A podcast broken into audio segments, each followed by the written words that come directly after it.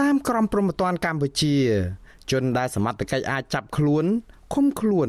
និងតឡាការអាចផ្ដន្ទាទោសបានគឺទាល់តែមានវ័យចាប់ពី18ឆ្នាំឡើងទៅជនដែលមានអាយុចាប់ពី18ឆ្នាំឡើងទៅនេះគេហៅថានីតិជន ឬក៏មនុស្សពេញវ័យ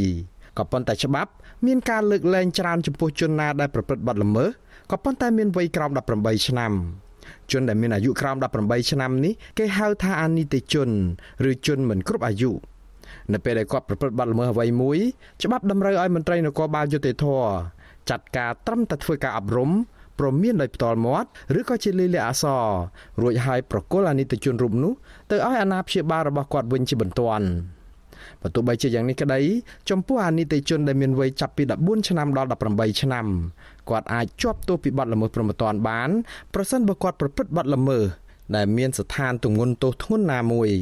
ក៏ប៉ុន្តែច្បាប់ នៅតែអនុគ្រោះនឹងលើកលែងច្រើនបំផុតចំពោះទង្វើរបស់អានិតិជនជាងនេះទៅទៀតអនិច្ចជនត្រូវបានទទួលការការពារជាពិសេសដោយច្បាប់ស្តីពីយុត្តិធម៌អនិច្ចជនឆ្នាំ2016មាត្រា1នៃច្បាប់ស្តីពីយុត្តិធម៌អនិច្ចជនឆ្នាំ2016នោះមានគោលបំណងសំខាន់3គឺការពារសិទ្ធិនិងឧត្តមប្រយោជន៍របស់អនិច្ចជន ដែលមានទំនាស់នឹងច្បាប់ គ្រប់គ្រងដល់ការស្ដារនីតិសម្បទានិងធ្វើសមាហរណកម្មអនិច្ចជនទៅក្នុងសង្គមនិងសហគមន៍និងធានាការពារប្រយោជន៍សហគមន៍និងសង្គម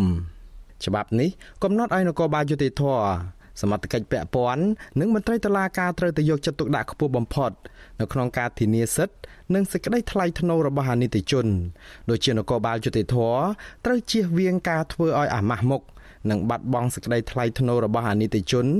ពិនិត្យសុខភាពផ្លូវកាយនិងផ្លូវចិត្តរបស់គាត់និងមិនត្រូវយកអាណិតជនដាក់បង្ហាញមុខជាដើមមិនតែប៉ុណ្ណោះសមត្ថកិច្ចអាចចាប់ខ្លួនអាណិតជននៅក្នុងវ័យនេះបានតែក្នុងករណីជំរើសចុងក្រោយបំផុតតែប៉ុណ្ណោះ ក៏ប៉ុន្តែអ្នកច្បាប់ភ្ញាក់ផ្អើលចំពោះការអនុវត្តរបស់មន្ត្រីសមត្ថកិច្ចលើករណីអនិច្ចជន ជាពិសេសករណីចុងក្រោយ ដែលកើតឡើងលើយុវជនវ័យ16ឆ្នាំឈ្មោះកសវណ្ណឆៃ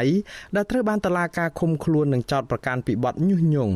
បង្កឲ្យមានភាពវឹកវរធ្ងន់ធ្ងរដល់សន្តិសុខសង្គមនិងបទប្រមាថអ្នករាជការសាធារណៈពាក់ព័ន្ធនឹងការទាស់សម្ដីគ្នានៅក្នុងក្រុមជជែកតាមបណ្ដាញសង្គម Telegram ប្រធានក្រុមអ្នកច្បាប់នឹងទីប្រឹក្សាអំរិនលោកសុកសំអឿនថាការអនុវត្តច្បាប់លើអនិច្ចជនបែបនេះហាក់ដូចជាដាក់ទណ្ឌកម្មដែលមិនដូចអ្វីដែលជាស្មារតីនៃច្បាប់ការពារអនិច្ចជនសោះអនិច្ចជនហ្នឹងគេគិតទោសពាក់កណ្ដាលមនុស្សធំអាមនុស្សធំ10ឆ្នាំយើងអនិច្ចជន5ឆ្នាំអញ្ចឹងទៅអញ្ចឹងណាតែយើងមានច្បាប់ជីវនីតិសម្បទាហ្នឹងវាចង់រៀងធ្ងន់ជាងដែលតតវិញ យុវជនកសវណ្ណឆៃគឺជាកូនប្រុសរបស់សកម្មជនគណបកសង្គ្រោះជាតិលោកកកុម្ភា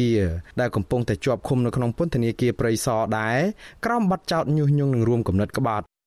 អាជ្ញាធររបបក្រុងភ្នំពេញមានគ្នាជាង20នាក់បានសម្រុកចូលចាប់ខ្លួនយុវជននេះទាំងយប់ដល់ក្នុងផ្ទះនៅសង្កាត់បឹងទំពុន2ខណ្ឌមានជ័យកាលពីថ្ងៃទី24ខែមិថុនាមន្ត្រីឃ្លាំមើលសិទ្ធិមនុស្សថាការធ្វើបែបនេះគឺជារឿងហួសហេតុនិងចម្លែកព្រោះចិញ្ចាប់អនិច្ចជននេះទាំងយប់ អ្នកនាំពាក្យសមាគមអាត់ហុកលោកសឹងសានករណាសោកស្ដាយដែលកម្ពុជាខំបង្កើតច្បាប់ការពារអនិច្ចជនក៏ប៉ុន្តែពេលអនុវត្តជាក់ស្ដែងអនិច្ចជនមិនទទួលបានការការពារពិតប្រាកដនោះទេ มันមានភាពប្រក្រតីទេហើយការអនុវត្តនេះខ្ញុំថាมันមានភាពត្រឹមត្រូវទេដូចទី1ទៅចាប់ខ្លួនកុមារទាំងយប់ឬដូចជាអ ுக ្រិតជនមួយដែលมันអាចអត់អោនបានត្រូវតែអនុវត្តហើយមានការប្រើប្រាស់កម្លាំងលើសលប់ក្នុងការចាប់ខ្លួនដែលធ្វើឲ្យក្រុមគ្រួសារគាត់មានការផិតភ័យ រួមទាំងបដាយហើយនឹងលោកយាយដែលចាស់ជរាមួយរូបនៅក្នុងនឹងដែរអញ្ចឹងវាជាលក្ខណៈមួយអមនុស្សធម៌ដែរចំពោះការប្រតិបត្តិក្នុងការអនុវត្តច្បាប់ទៅលើកុមាររូបនេះអ្វីដែលចម្លែកជាងនេះទៅទៀតនោះមន្ត្រីសិទ្ធិមនុស្សរូបនេះថាអាញាធរចាប់តែយុវជនកសវណ្ណឆៃតែមិនចាប់មនុស្សជាច្រើនផ្សេងទៀតនៅក្នុងក្រុមដែលទាស់សម្ដីគ្នាតាមប្រព័ន្ធ Telegram នោះទេលោកថានេះគឺជាការអនុវត្តច្បាប់តាមបែបស្តង់ដារ2និងរើសអើងនយោបាយដល់ក្រុមគ្រួសារសកម្មជនគណបកប្រឆាំង នេះមិនមែនជាលើកទី1ទេដែលសមត្ថកិច្ចចាប់ខ្លួនយុវជនកសវណ្ណឆៃកាលពីដើមខែតុលាឆ្នាំ2020អាជ្ញាធររបបក្រុងភ្នំពេញធ្លាប់បានចាប់ខ្លួននិងប្រើហិង្សាសួរចម្លើយលើយុវជនរូបនេះអស់រយៈពេល48ម៉ោងដោយសារតែគាត់បានចូលទៅប្រមូលទង់គណៈបកសង្គ្រោះជាតិនៅឯទីស្នាក់ការកណ្ដាលគណៈបកនេះនៅសង្កាត់ចាងរ៉េក្រុងភ្នំពេញបន្ទាប់មកនៅថ្ងៃទី27ខែមេសាឆ្នាំ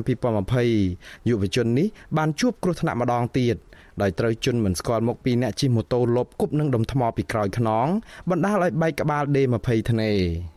ហេតុការណ៍នេះកើតឡើងនៅក្នុងពេលដែលគាត់កំពុងធ្វើដំណើរជាមួយម្ដាយនៅភូមិថ្នោតជ្រុំសង្កាត់បឹងទំពុនពីខណ្ឌមានជ័យនោះបើទោះជាយ៉ាងណាសមត្ថកិច្ចបានខកខាននៅក្នុងការតាមចាប់ជនដៃដល់យកមកផ្ដន្ទាទោសតាមច្បាប់ អ្វីដែលកាន់តែធ្វើឲ្យមជ្ឈដ្ឋានទូទៅហួសចិត្តទៀតនោះគឺយុវជនកសវណ្ណឆៃមានជំងឺផ្នែកស្មារតីនិងការអភិវឌ្ឍខួរក្បាលយឺតឬហៅថា autism ពីកំណើតផងលោកសង្សានករណាថាអាញាធរគួរតែយកចិត្តទុកដាក់ជាងនេះទៅលើបញ្ហានេះព្រោះកន្លងមកអាញាធរធ្លាប់ដោះលែងយុវជននេះវិញក៏ដោយសារតែបញ្ហាស្មារតីនេះដែរមិនគួរណាចាប់ខ្លួនគាត់ទាំងគាត់មានជំងឺប្រចាំកាយបែបនេះនោះទេ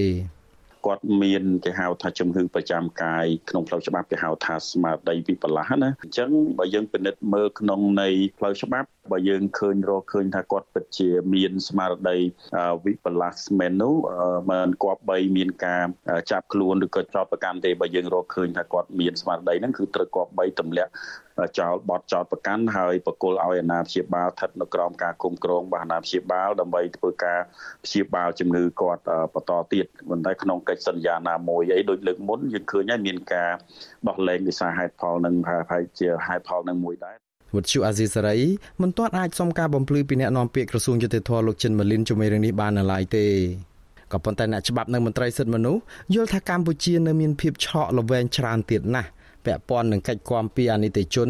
និងភាពចន្លោះប្រហោងនៃច្បាប់និងការអនុវត្តរបស់មន្ត្រីពាក់ព័ន្ធចំពោះករណីអ្នកជាប់ឃុំដែលជាអនិច្ចជននេះព្រោះសំបីតែពន្ធនាគារដើម្បីញែកអនិច្ចជននិងនីតិជនឲ្យនៅដាច់ពីគ្នាក៏នៅជួបការលំបាក មិនតែប៉ុណ្ណោះការអនុវត្តរបស់មន្ត្រីសមត្ថកិច្ចហាក់ដូចជាប្រញាប់ចាប់មនុស្សដាក់ឃុំ ជាជាងដោះលែងឲ្យមានសេរីភាពពួកគាត់បារម្ភថានីតិជនដែលជាប់ឃុំនឹងបាត់បង់ឱកាសរៀនសូត្រនិងឱកាសផ្សេងផ្សេងទៀតនៅក្នុងការអភិវឌ្ឍខ្លួន ដែលនេះអាចជាបន្ទុកមួយធ្ងន់ដល់សង្គមគ្រួសាររបស់គាត់និងសង្គមជាតិទាំងមូលទៅថ្ងៃមុខខ្ញុំបាទមុងណារ៉េត What you Asis ស្រីប្រធានាធិបតី Washington